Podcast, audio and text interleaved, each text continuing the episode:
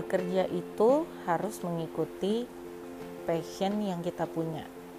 Kenapa gue bilang kayak gitu?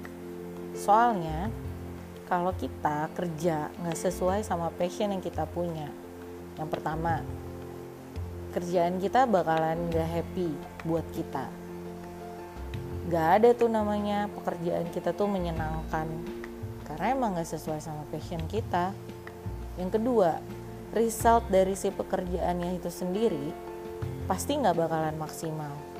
Ya karena balik lagi bakalan ada penolakan-penolakan dari dalam diri kita pada saat kita ngerjain kerjaan yang nggak sesuai sama passion kita.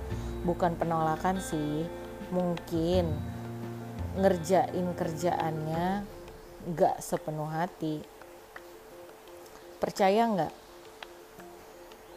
pada saat di awal kita mau pilih jurusan di kampus itu kan udah otomatis ya menyesuaikan dari penjurusan kita di SMA tapi beberapa ada yang beda dari penjurusannya di SMA misalnya contohnya aja banyak teman-teman gue yang penjurusan di SMA-nya itu IPA mereka ngambil jurusan-jurusan di kampus yang IPS yang emang notabene-nya punya anak IPS seharusnya.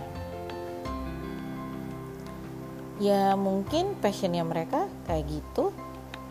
Tapi balik lagi masalah pekerjaan emang itu harus sesuai sama passion. Kalau nggak sesuai sama passion ya nggak tahu deh. Hasil dan prosesnya itu bakalan maksimal dan lancar atau enggak. Karena segala sesuatu yang sesuai dengan passion kita kita bakalan ngerjainnya tuh happy terus ngebayangin kerjaan yang banyak aja nggak bakalan pernah ada deh. Ya karena kerjaan kita itu emang sesuai passion kita. Dulu waktu gue baru lulus kuliah sebagai seorang accountant harusnya gue kerja di perusahaan public accountant atau mungkin perusahaan-perusahaan multinational company yang emang uh, gue ada di divisi keuangan. Ya pokoknya yang relate lah sama major gue atau jurusan gue di kampus. Tapi kenyataannya pas gue tahu kalau gue nggak passion di sana akhirnya gue banting setir dan gue lebih milih untuk cari pekerjaan yang gak sesuai sama jurusan gue. Waktu itu tahun 2011 gue memilih bidang pekerjaan retail. Retail tuh udah banyak ya. Ada retail groceries. Eh gue nggak tahu sih detailnya. Cuma yang waktu itu gue pilih adalah retail fashion dan ternyata memang passion gue ada di retail. Ngejalanin pekerjaan sebagai seorang retailer atau kerjanya di mall itu menyenangkan banget buat gue. Dan buat gue lupa waktu. Terus kayak gak berpikir kalau kerjaan gue banyak ya happy lah awalnya gue ngebayangin wah gue bakalan standby kayak SPG ngelayanin customer tapi ternyata pas gue apply di posisi itu bayangan gue tuh nggak sesuai kayak bayangan gue di awal. Waktu itu sebagai seorang fresh graduate gue nggak tahu job description gue apa sebagai seorang pelaku retail fashion? Ternyata menyenangkan banget udah kerjanya di mall. Gue itu berasa kayak maintain perusahaan gue sendiri.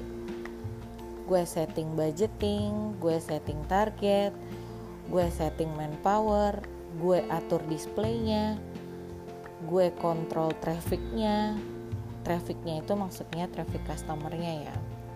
Terus gue bisa tahu produktivitas gue sendiri. Itu keren banget sih. Gue berasa kayak jadi entrepreneur gitu punya perusahaan yang semua semuanya kita yang mikirin dan kita yang maintain. Kepuasan kedua dari gue adalah di saat gue achieve target. Itu kepuasan kedua setelah gue ngejalanin semua proses sebagai si pekerja retail ini. Itu bahagia dan bangganya luar biasa. Apalagi ya menurut gue di dunia retail itu fair ya. Ada target ya ada awards. Waktu itu di umur gue yang cukup muda gue bisa achieve target melampaui ya kurang lebih senior senior gue di di situ. Ya bukannya mau bicara soal nyombongin diri sih cuma kepuasan yang gue dapet itu luar biasa bahagia banget. Ya menurut gue itu yang gue bilang kalau pekerjaan kita itu memang harus sesuai sama passion kita. Gue suka banget sama fashion. Gue suka banget update fashion. Terutama uh, fashion baju ya. Ya karena gue kerja di retail apalagi retail fashion. Jadi gue harusnya udah lebih duluan update update fashion di tahun berikutnya tuh gue udah tahu harusnya. Dan itu membahagiakan sekali buat gue. Gue pernah bekerja di beberapa perusahaan retail fashion. Ya masing-masing emang punya target marketnya sendiri-sendiri dan punya kualitas sendiri-sendiri.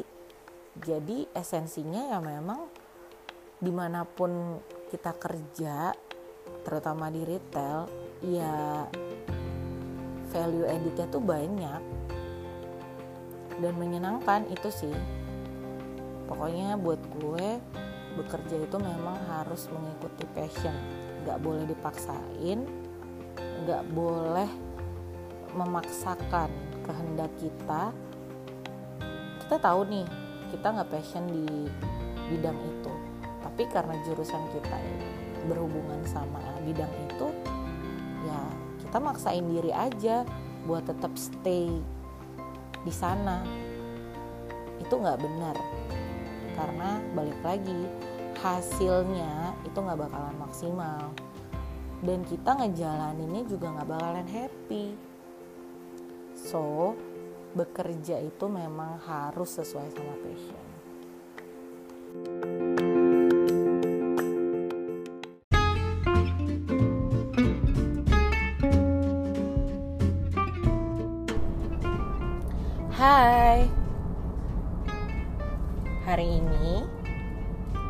gue bakalan sedikit sharing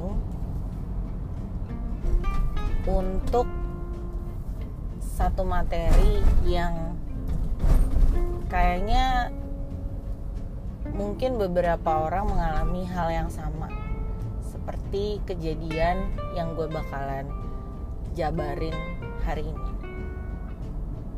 Temanya orang tua toxic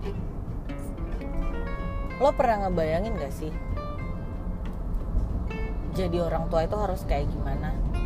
Ya mungkin untuk beberapa kalian yang memang udah berumah tangga dan menjadi orang tua pasti bakalan lebih tahu dan paham gimana sih seharusnya orang tua itu.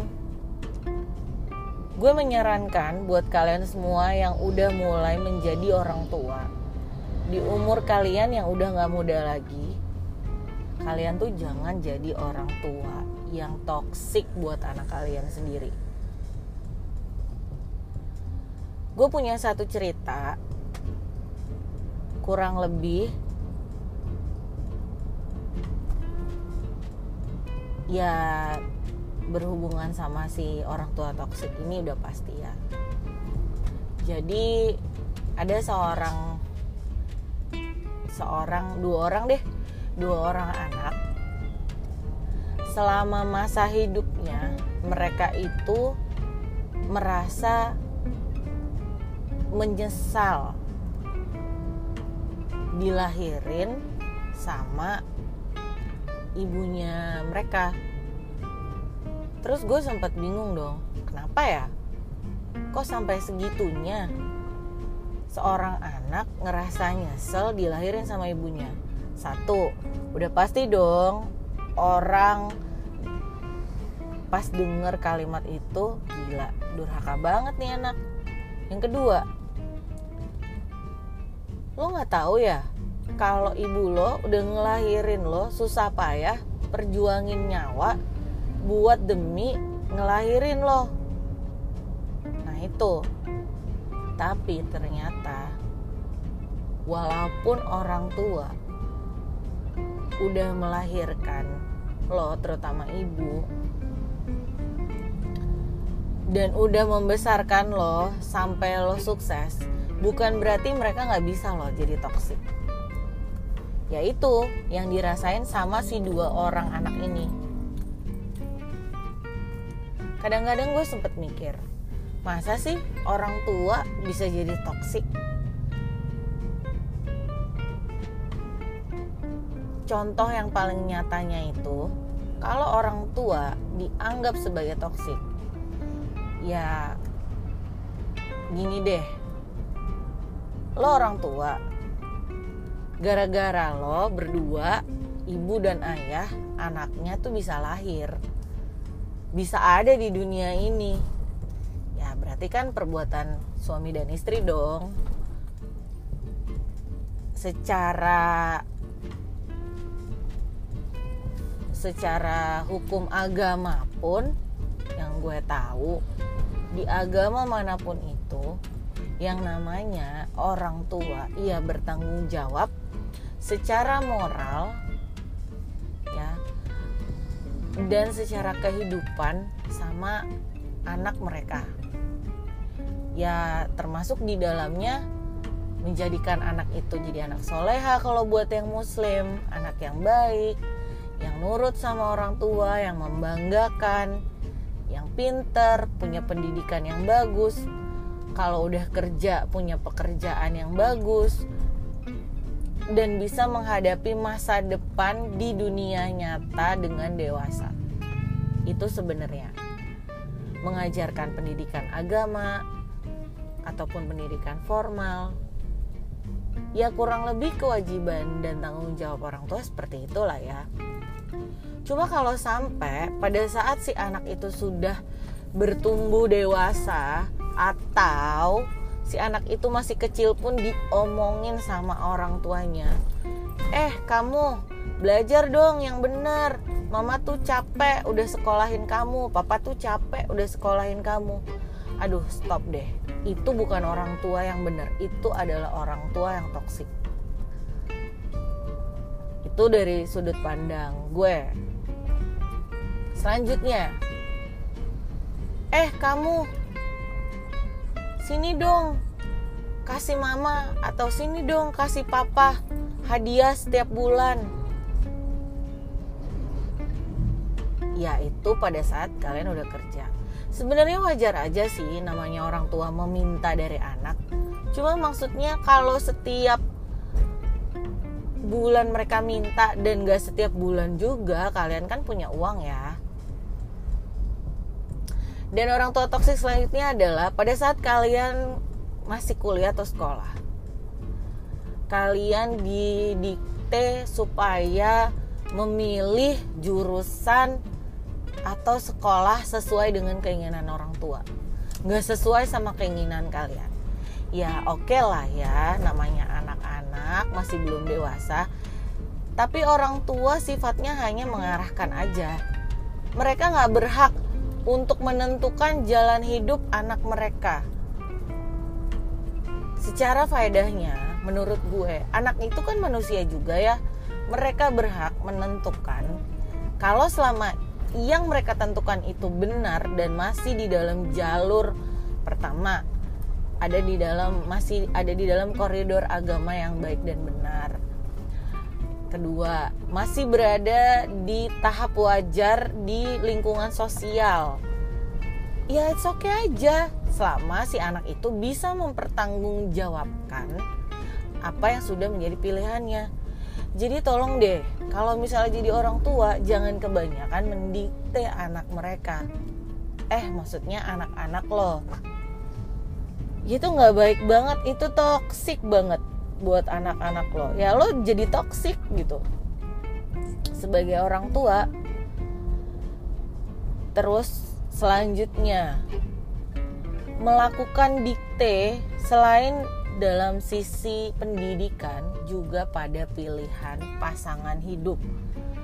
Aduh iya bener sih kalau kalian sering denger tuh namanya orang Jawa atau suku mana pun itu pasti kalian sering uh, ditanya sama orang tua eh itu pacar kamu itu calon kamu keluarganya asalnya dari mana? Papahnya kerja di mana? Mamahnya kerja di mana? Terus keluarganya dari keluarga baik-baik atau enggak? Bibit bebet bobot. Itu harus dilihat ya oke. Okay, kalau hanya sekedar mengingat mengingatkan anak untuk hal itu ya udahlah diingetin anaknya. Tapi kalau seandainya kalian berusaha mendikte anak kalian ya itu salah banget dong. Itu toksik ya biarkanlah dia memilih pasangan hidupnya sesuai dengan keinginan dia. Lagi pula nanti kalau ada apa-apa sama rumah tangganya ataupun sama hubungannya yang akan bertanggung jawab ya bakalannya anak kalian sendiri bukan kalian. Oke kalian orang tua bertanggung jawab moral benar sih tapi nggak juga melakukan dikte ya. Dan untuk para orang tua untuk lo yang masih anaknya kecil-kecil. Tolong jangan didikte anaknya buat kamu harus bisa baca ya kamu harus bisa nulis ya pokoknya kamu harus uh, mama lesin nyanyi ya lesin bahasa Inggris lesin berhitung kamu harus les sempoa atau kamu harus taekwondo atau harus les berenang. Ya sudah lah ya kalian ikutin aja semua les tapi selanjutnya, untuk tahap selanjutnya biarkan anak kalian yang memilih. Gak ada salahnya juga kok kalau kalian mengikuti pilihan anak kalian yang masih kecil. Dan biasakan mendengarkan pendapat anak kalian. Jadi jangan langsung gak bisa, gak boleh, tidak ya. Itu gak benar. Itu kalian bakalan jadi toksik.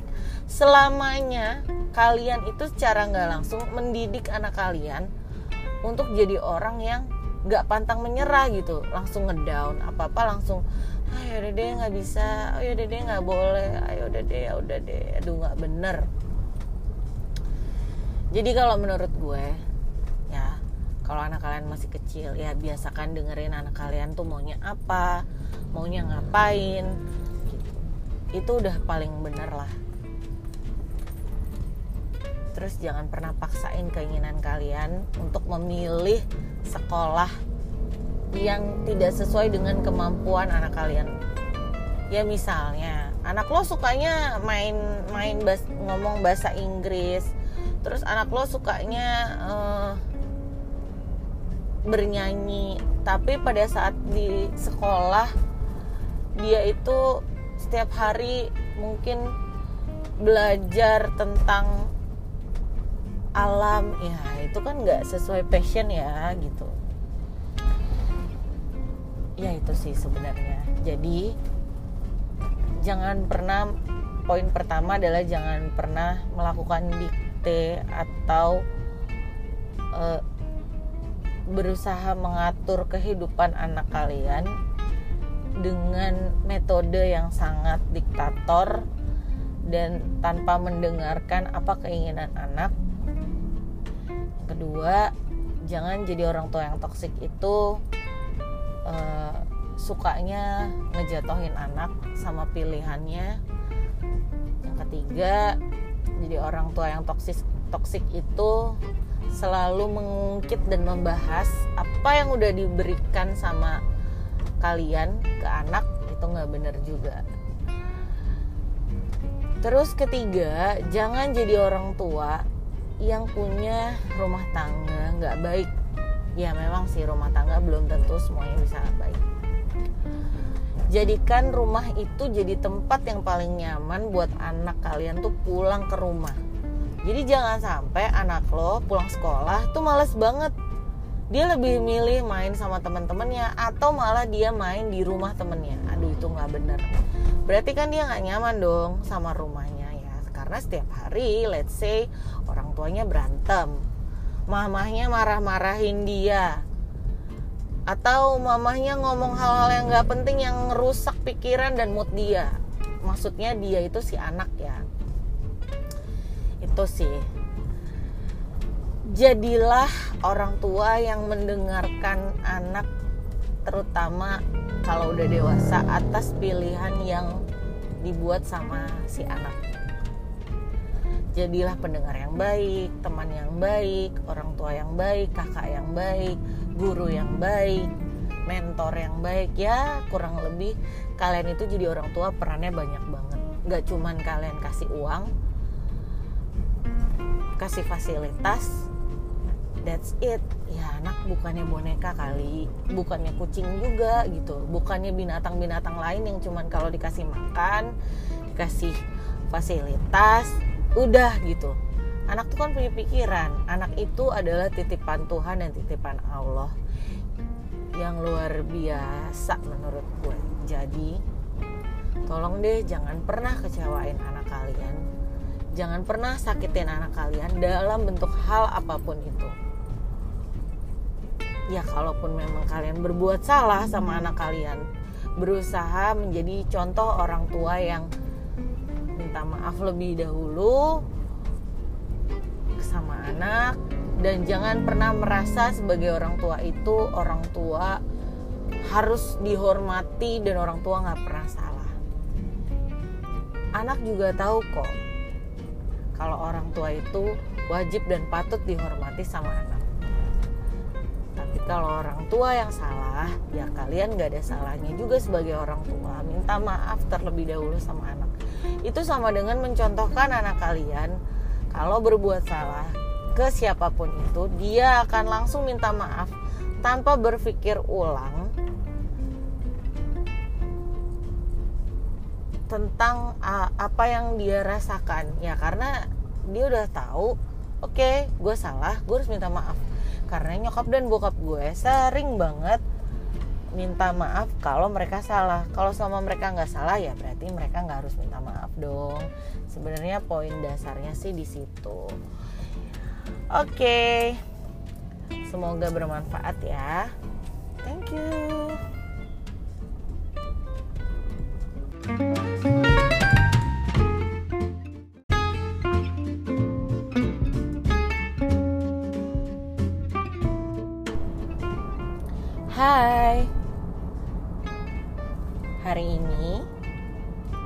Gue bakalan sedikit sharing Untuk Satu materi yang Kayaknya Mungkin beberapa orang mengalami hal yang sama Seperti kejadian yang gue bakalan jabarin hari ini. Temanya orang tua toksik lo pernah ngebayangin gak sih? Jadi orang tua itu harus kayak gimana? Ya mungkin untuk beberapa kalian yang memang udah berumah tangga dan menjadi orang tua pasti bakalan lebih tahu dan paham gimana sih seharusnya orang tua itu. Gue menyarankan buat kalian semua yang udah mulai menjadi orang tua di umur kalian yang udah nggak muda lagi kalian tuh jangan jadi orang tua yang toksik buat anak kalian sendiri. Gue punya satu cerita kurang lebih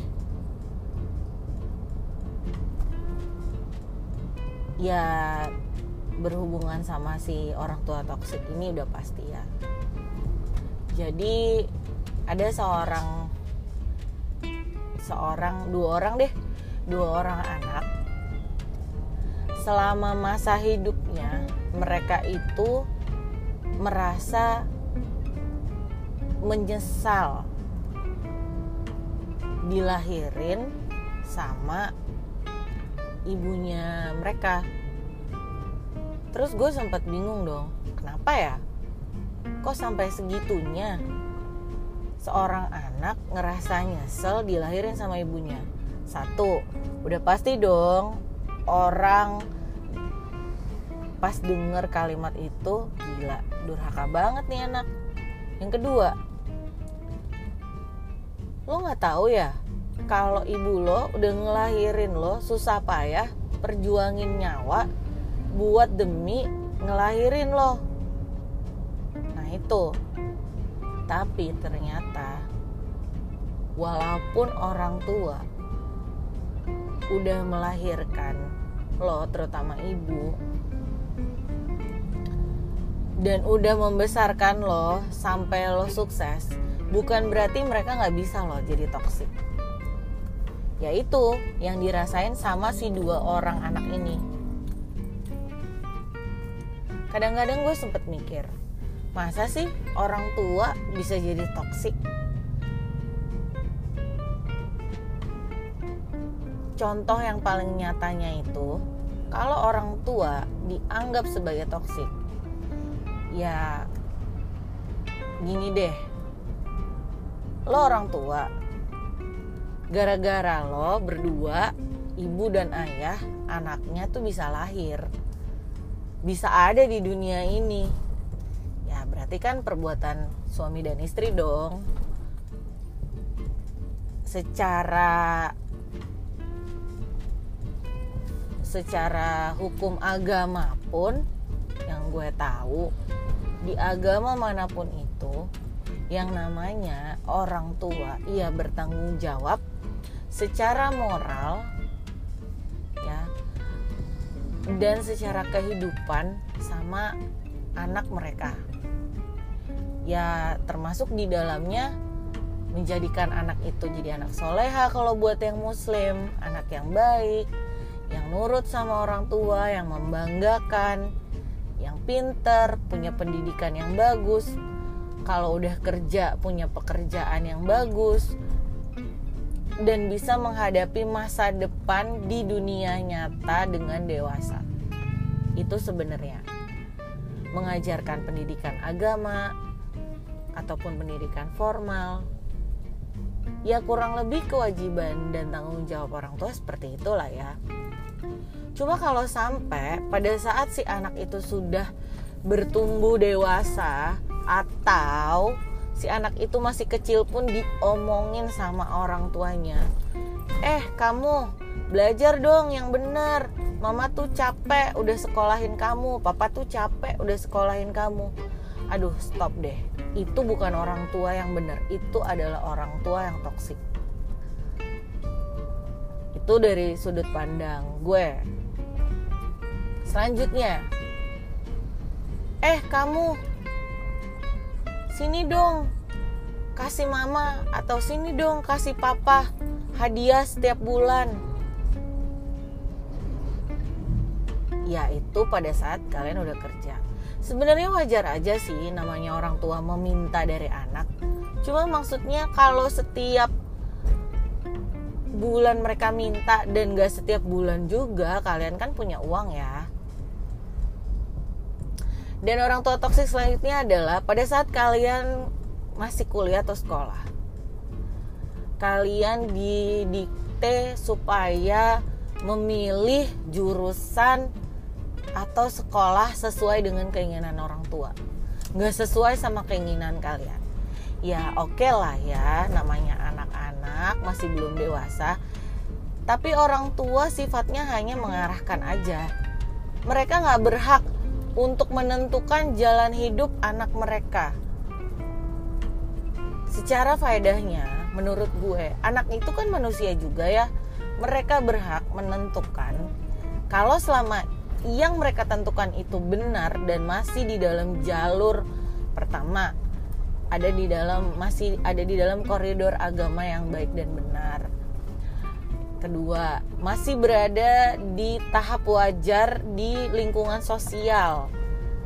Ya it's okay aja. Selama si anak itu bisa mempertanggungjawabkan apa yang sudah menjadi pilihannya jadi tolong deh kalau misalnya jadi orang tua jangan kebanyakan mendikte anak mereka. Eh maksudnya anak-anak lo. Itu nggak baik banget itu toksik banget buat anak-anak lo. Ya lo jadi toksik gitu. Sebagai orang tua terus selanjutnya melakukan dikte selain dalam sisi pendidikan juga pada pilihan pasangan hidup. Aduh iya bener sih kalau kalian sering denger tuh namanya orang Jawa atau suku mana pun itu pasti kalian sering uh, ditanya sama orang tua eh itu pacar kamu itu calon kamu keluarganya asalnya dari mana?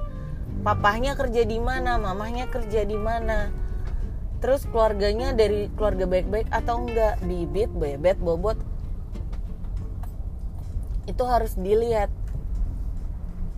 Ya oke. Okay, kalau hanya sekedar mengingat mengingatkan anak untuk hal itu ya udahlah diingetin anaknya.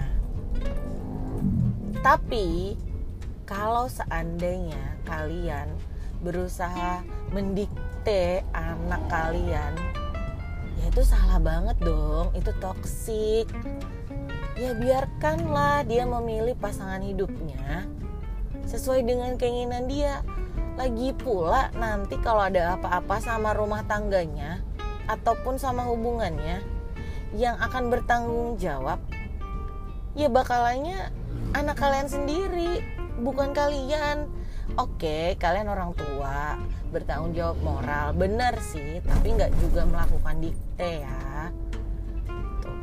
Dan untuk para orang tua untuk lo yang masih anaknya kecil-kecil tolong jangan didikte anaknya buat kamu harus bisa baca ya kamu harus bisa nulis ya pokoknya kamu harus uh, mama lesin nyanyi ya lesin bahasa Inggris lesin berhitung kamu harus les sempoa atau kamu harus taekwondo atau harus les berenang ya sudah lah ya kalian ikutin aja semua les tapi selanjutnya, untuk tahap selanjutnya biarkan anak kalian yang memilih. Gak ada salahnya juga kok kalau kalian mengikuti pilihan anak kalian yang masih kecil. Dan biasakan mendengarkan pendapat anak kalian. Jadi jangan langsung gak bisa, gak boleh, tidak ya. Itu gak benar. Itu kalian bakalan jadi toksik. Selamanya kalian itu secara nggak langsung mendidik anak kalian untuk jadi orang yang nggak pantang menyerah gitu langsung ngedown apa apa langsung ayo ah, deh nggak bisa ayo deh nggak boleh ayo deh ya udah deh aduh nggak bener